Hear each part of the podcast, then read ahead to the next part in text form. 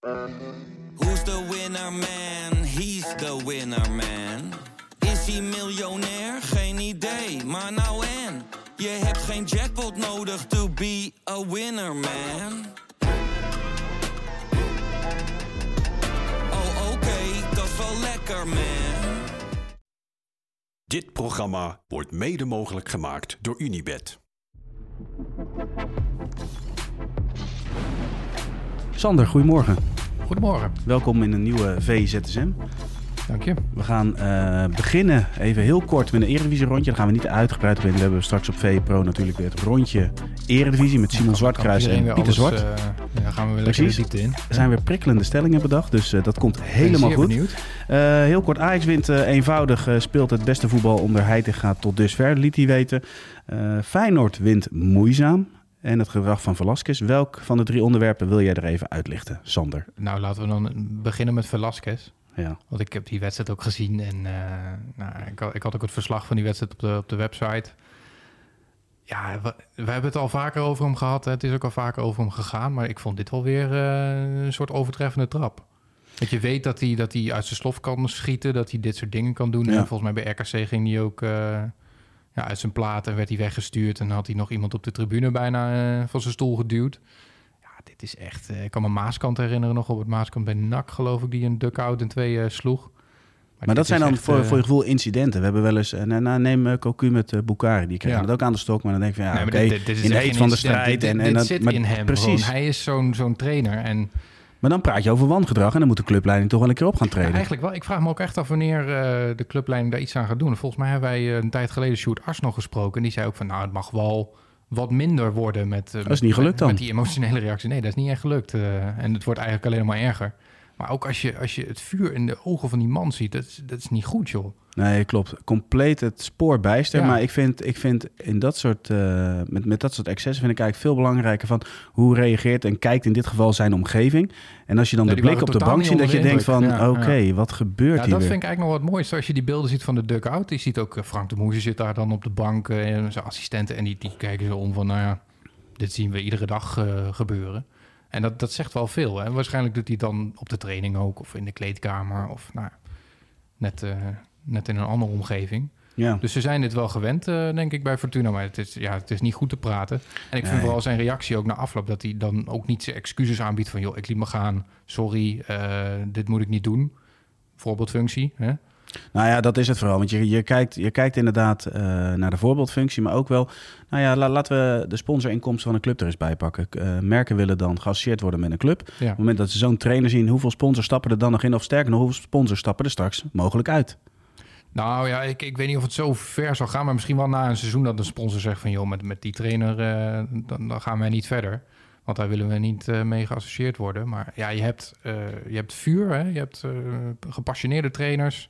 En Simeone, daar zeggen we ook wel eens van, van een gek daar langs de lijn. Maar dit, dit gaat echt veel te ver. Ik bedoel, je kan best Ja. wel een passie hebben langs de lijn. Hè? Dat moet ook soms wel een beetje. Maar dit, ja, het is toch ook geen voorbeeld. Ik bedoel, als je op zaterdagochtend bij de jeugd aan het kijken bent... ja, die nemen alles over van spelers, maar ook van trainers. hè? Ja, absoluut, ja. En Ja. ja. dit is wel het voorbeeld wat je dan geeft. Ja. En dat is het verkeerde voorbeeld. Helemaal eens. Heel kort, eh, Feyenoord eh, hadden het lastig, weten toch weer te winnen. Ja, verrassend op, eh, op achterstand ook. Hè? Dat verwacht je dan ook niet. Meestal is het nou ja, lang vechten tegen een muur waar je doorheen moet breken. En dan uiteindelijk lukt dat altijd wel in het laatste kwartier. Ja, maar nu net niet in het laatste kwartier volgens mij, die, die 2-1. Maar het ging wel, ja, het ging moeizaam. Maar heel gek is dat niet. Hè? Volgens mij zei Slot het vorige week ook van ja, je kan niet verwachten dat wij iedere, iedere week een fantastische wedstrijd spelen met die Europese duels nog er Nee. Eh, ja, dat is ook niet zo gek. En het is wel zaak dat je dan wint als koploper. En dat krijgt Feyenoord wel iedere keer voor elkaar. En dat vind ik wel knap. ja precies. Dan eh, maken we ook even een korte bruggetje naar Ajax. Want een van de stellingen straks in rondje Eredivisie is... eh, Ajax is natuurlijk de favoriet in de klassieker. Ja, dat was veel om te doen om die uitspraak van, van Heitinga en Tadic. Hè? Ja, ik ben wel heel nieuwsgierig wat Pieter en eh, Simon daarover Ja. gaan zeggen. Maar hoe kijk jij ernaar? Nou, ik vind Feyenoord favoriet. Bedoel, als je koploper bent en eh, nou, je wil zo graag kampioen worden... en je wil ook zo graag Ajax een keer een tik uitdelen... nou, je staat bovenaan, dan ben je favoriet. En Ajax speelt thuis, prima. Maar ja, ik vind Ajax ook nog niet echt eh, geweldig overtuigend tot nu toe onder Heitinga. Ze winnen wel veel. Ja. Eh, maar ja, gisteren tegen, tegen Heerenveen was het ook maar een fase waarin ze echt goed waren. Hè? En dat is dan genoeg om te winnen van Heerenveen. Maar ja, is het ook genoeg om te winnen van Feyenoord? Dat eh, gaan we meemaken. We gaan naar het meest gelezen item op uh, v.nl. Dat gaat over uh, Andries Noppert, die nou ja, voorlopig niet ehm, ja, voor Koeman beschikbaar is vanwege een blessure. Maar pak Oranje sowieso breed bij. Nou, dat, er is straks weer een keeperskwestie. Wie gaat er onder de lat staan onder Koeman? Maar ook, ehm, ja, we hebben Luc de Jong gehad. We hebben nu Vincent Janssen gehad, die afhaakt als international. Ik ben nieuwsgierig. Wie zou nou wel eens de volgende kunnen zijn die af gaat haken, Sander? Ja, dat is, dat is wel een goeie. Ja. Dat is wel, ja. Ik had het bij Jans ook niet verwacht, want hij is natuurlijk pas 28. Dus dan denk je van, nou ja, die is uh, misschien wel in de beste fase Vind je het niet een beetje vreemd dat de spits van Antwerpen FC op 28-jarige leeftijd bedankt voor het Nederlands elftal? Ja, dat, dat is ook heel vreemd. En volgens mij is dat ook de, de algehele reactie dat het, dat het vreemd is. Hij werd eigenlijk erbij gehaald door, door Van Gaal. Uh, dat was al heel erg verrassend. We hadden hem eigenlijk nooit meer terug verwacht nee. in het Nederlands elftal. Ik denk, ja, hij zit in Mexico en dat is wel einde verhaal. Nou, hij komt terug uh, in het Nederlands elftal, komt ook terug naar Europa. Dan denk je, nou, dat is ook een beetje een stap richting het Nederlands elftal. Hè, van, we moeten weer een beetje in een picture komen.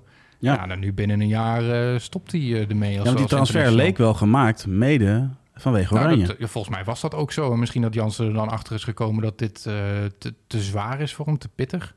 Dat zou kunnen, maar ja, op 28-jarige leeftijd stoppen is toch wel heel erg Ja, maar ik vind het sowieso raar dat een, een um, ja, met, met, met alle respect natuurlijk. Kijk, als op een gegeven moment een absolute topspeler door de overvolle voetbalkalender het niet meer uh, trekt, uh, fysieke klachten heeft en die zit ergens midden in de 30 of begin 30, dan vind ik het nog een ander verhaal. Of op het moment dat je denkt van nou, ik heb mijn eindtoernooi gehad en uh, ja, ik, ik ga niet ik sta niet standaard meer in ja. de basis, laat maar zeggen. Want we hadden het eigenlijk van wie zou dan mogelijk de volgende kunnen zijn. Bent, ja, uh, precies. Ik kan me voorstellen als je, als je zoals Daily Blind jarenlang uh, baasspeler bent geweest. en je komt er op een gegeven moment niet meer aan. dat je dan denkt van ja, oké, okay, uh, ik bedank. Of ik kan het fysiek niet meer aan, ik bedank. Maar um, 28 jaar, spits van Antwerpen FC. Dan denk je, ja, elke interland die kan spelen, daar zou je heel blij mee moeten zijn. Ja, precies. En wa waarschijnlijk speel je toch niet zo heel veel. Hè? Je gaat waarschijnlijk niet de eerste keus worden. Al speelde hij volgens mij onder Koeman nog wel een paar keer in de eerste periode. Ja. Maar ja, op zich, ja, je moet er gewoon bij blijven. En uh, het is toch ook een eer om, om uit te komen voor het Nederlands elftal. En volgens mij heeft hij het ook niet heel erg slecht gedaan. Ja, nee. misschien ja, die drukke voetbalkalender, dat, dat kan ik nog wel begrijpen. Maar ja, je bent ook 28, hè. Het lijkt me dat je wel ja, de fitheid hebt om dat ja, te kunnen doorstaan. Ja, bijzonder. Ja, dan hebben we nog Andries Noppert, die uh, ja, voorlopig dus niet... Uh, uh, lijkt te kunnen spelen onder Koeman, omdat hij ja, in een blessure ik vond zit. ook al vreemd dat hij bij de voorselectie zat. Hè? Want volgens mij was wel duidelijk dat hij er vrij lang uit zou liggen. Mm -hmm. Ik dacht nog van toen hij geselecteerd was, van misschien dat Koeman meer weet. En, Zal er niet als signaal zijn van, joh, luister, ik weet dat je geblesseerd ja, bent, maar... Uh... wel. Dat heeft Van Wonder ook gezegd. En dat is ook op zich wel logisch. Hè? Gewoon laten zien van, joh, uh, je, bent op de radar bij mij. Precies. En nou ja, misschien richting uh, die Interlands, de volgende Interlands, dan dat hij dan weer erbij komt. En dat lijkt me ook wel logisch. Hè? Iemand die op het WK heeft gekiept, uh, die, die moet er gewoon bij uh, zitten. Ja, dan uh, de grote vraag. Ja, wie gaat er straks keepen? Op wie zet jij geld? Ja, ik zie Sillissen iedere week spelen, dus ik zou Sillissen zeggen. Um, en Bijlo is natuurlijk ook geblesseerd. Dus ja, Sillissen lijkt me ook gezien de ervaring in het Nederlands elftal de meest logische keuze. Um, maar Verbrugge zit er ook bij. Ja, die zou je een kans kunnen geven. En ja, Vlekken zou ik ook nog wel logisch vinden. Maar Sillissen heeft uh, meer dan 60 interlands gespeeld. Uh, was altijd betrouwbaar. Is nu ook gewoon heel erg goed uh, in de eredivisie. En ja, waarom zou je hem niet weer de kans geven? Ik, ik, zou dat gewoon doen. Ik vind het vreemd dat, dat Nicolai er niet bij zit. Die had ik dan ook nog wel een kans gegeven. Als, je, als je scherp selecteert, ja. dan had Olij ook wel gekund. Maar van de, van de keepers die er nu bij zitten... als Noppert niet kan spelen, Bijloos geblesseerd... die zit er ook niet bij. Nou, dan is Sillissen een logische keuze. Oké, okay, duidelijk. Hey, we gaan even kort uh, uh, toewerken richting de Clasico. Want we hebben natuurlijk zondag de klassieker tussen Ajax en Feyenoord. Maar we hebben ook de Clasico tussen Barcelona en Real Madrid. Real Madrid won uh, zaterdag met 3-1. Uh, Barcelona won zondag met 1-0. de voorsprong blijft 9 punten. Um, ja, richting de Clasico. Real Madrid moet nog spelen deze week. Mm -hmm. Barcelona heeft de hele week de tijd om daar naartoe te leven. Hoe kijk jij naar die wedstrijd? Ja, ik ben wel heel erg benieuwd hoor. Want ja, Barcelona is best wel minimalistisch vaak in wedstrijden. Dat het 1-0 wordt of 2-0. Nou, ze houden wel heel vaak de 0. Dat is overigens ook wel opvallend.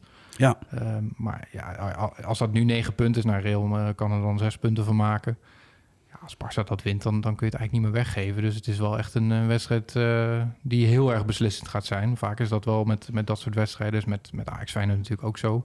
Je een soortgelijke wedstrijd als de vorige in de koppelderij... dat je zegt van dat, dat Real Madrid heel veel balbezit heeft... wat we eigenlijk niet gewend zijn tijdens dat soort wedstrijden... Mhm. en dat Barcelona gewoon gaat voor dat ene moment? Zou best wel kunnen, ja. Maar dat, ja, waarom zou je het niet doen als Barcelona zijn? Hè? Bedoel, ja, we zijn er niet gewend. Ja, maar je kan wel heel erg uh, je filosofie gaan volgen... en zeggen van wij moeten balbezit hebben en wij moeten uh, mooi spelen...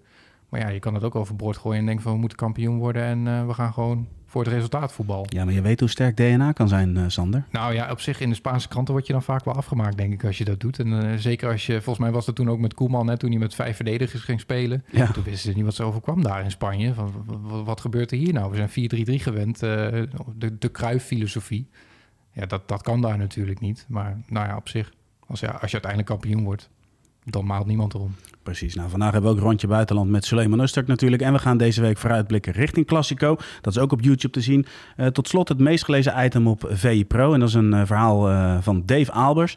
Heel kort, Dave Albers heeft vaak wel een beetje de bijzondere verhalen natuurlijk. De Pareltjes, hè? weekendverhalen. Waar haalden ze het toch vandaan altijd? Dat vraag ik me echt af. Ik heb, nog wel eens, ik heb hem wel eens getipt van die en die speler of zo. Misschien kun je daar nog wat mee. maar hij komt altijd weer met, met dit soort ja, bijzondere verhalen. Nou ja, en in dit geval dus ook. We hebben het over Eer van Bagdiem. Een eh, speler die niet goed genoeg was voor Ajax. eh, in de keukenkampioen-divisie speelde, weinig speelde. Terugging naar de amateurs. Uiteindelijk een Facebook-bericht kreeg. Of hij eens een keer eh, nou ja, een wedstrijd of een benefietwedstrijd mee wilde doen in Indonesië. Waar zijn roots liggen. Mhm. Ja, en de rest is geschiedenis. Die jongen heeft een mooie voetballoopbaan opgebouwd. Is getrouwd met een model. Heeft miljoenen volgers. Verdient geld als water. Dus ja, hoe snel kan het gaan? Ja, dat is echt bizar. Ik denk dat heel veel mensen die naam niet meer zoveel zegt. Eh, ik denk ook niet dat ze, hem, dat ze hem nog kennen uit die tijd. Nou ja, sterker je- nog, hij speelde bij Haarlem. Eh, Ja, de, jonge, de ja. jonge luisteraar weet niet eens dat, weet wellicht niet dat het een eh, profclub is geweest. Ja, voor die jonge luisteraars, Haarlem is een voetbalclub geweest. Eh, Het is Ja. nog steeds een voetbalclub, alleen niet meer bij de profs. Maar ja, dit is wel echt een, eh, een topverhaal weer hoor. Ik eh, las ook nog dat hij dan eh, voor het eerst naar Indonesië ging. Volgens mij 800 euro per maand verdiende. Ja, nu eh, verdient hij ik weet niet hoeveel geld. En eh, hij is de grote held daar. En dat kan in Indonesië. Want voetbal wordt daar ook wel heel anders beleefd dan hier. Dat is heel massaal. Ja, het is een van de dichtstbevolkte landen van, de- van de wereld volgens mij. Dus eh, nou, als je daar voetbalt, volgens mij Nick van der Velde en Melvin Platje hebben dat ook mee in team, meegemaakt. hè? Ja, het is, het is een soort paradijs daar. Eh, het lijkt me heel mooi, eh, mooi wonen ook, mooi leven. Ja. En als je, daar, ja, als je daar goed voetbalt en je bent de held, ja, dan kun je daar echt niet meer stuk. En dan eh, ja, moet je kijken wat je meemaakt, joh. Ja, ik vind het dan ook wel mooi als je dan eh, het stuk leest. Laat maar zeggen, dan zie je ook nou ja, weet je, wat, wat leuke momenten natuurlijk op beeld. En dan zien we een foto met eh Reis, voormalig PSV-aanvaller, en eh, Onno. Mooie middenvelder uit het verleden van Feyenoord.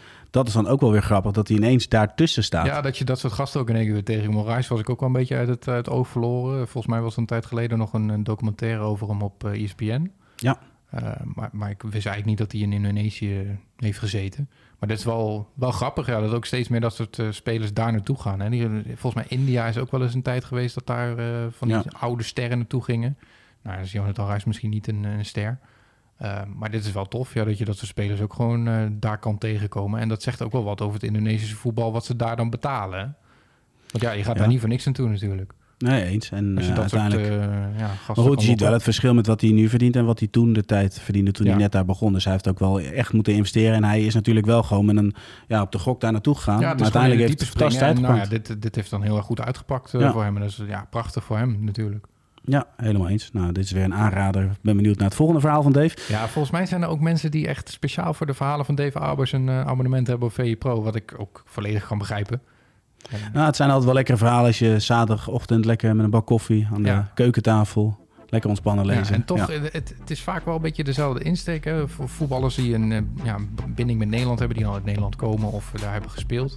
En die nu een beetje uit het oog zijn geraakt. En ja, dan, dan lees je toch weer ja, bijzondere verhalen. En het is iedere week weer anders ook. Het is wel een beetje dezelfde insteek vaak. En mensen die dan in het buitenland zeggen komen. Maar het, het is toch altijd weer een ander verhaal. Helemaal eens. Sander, bedankt eh, voor jouw bijdrage aan deze VZSM en eh, tot snel. Graag gedaan. Dit programma werd mede mogelijk gemaakt door Unibed.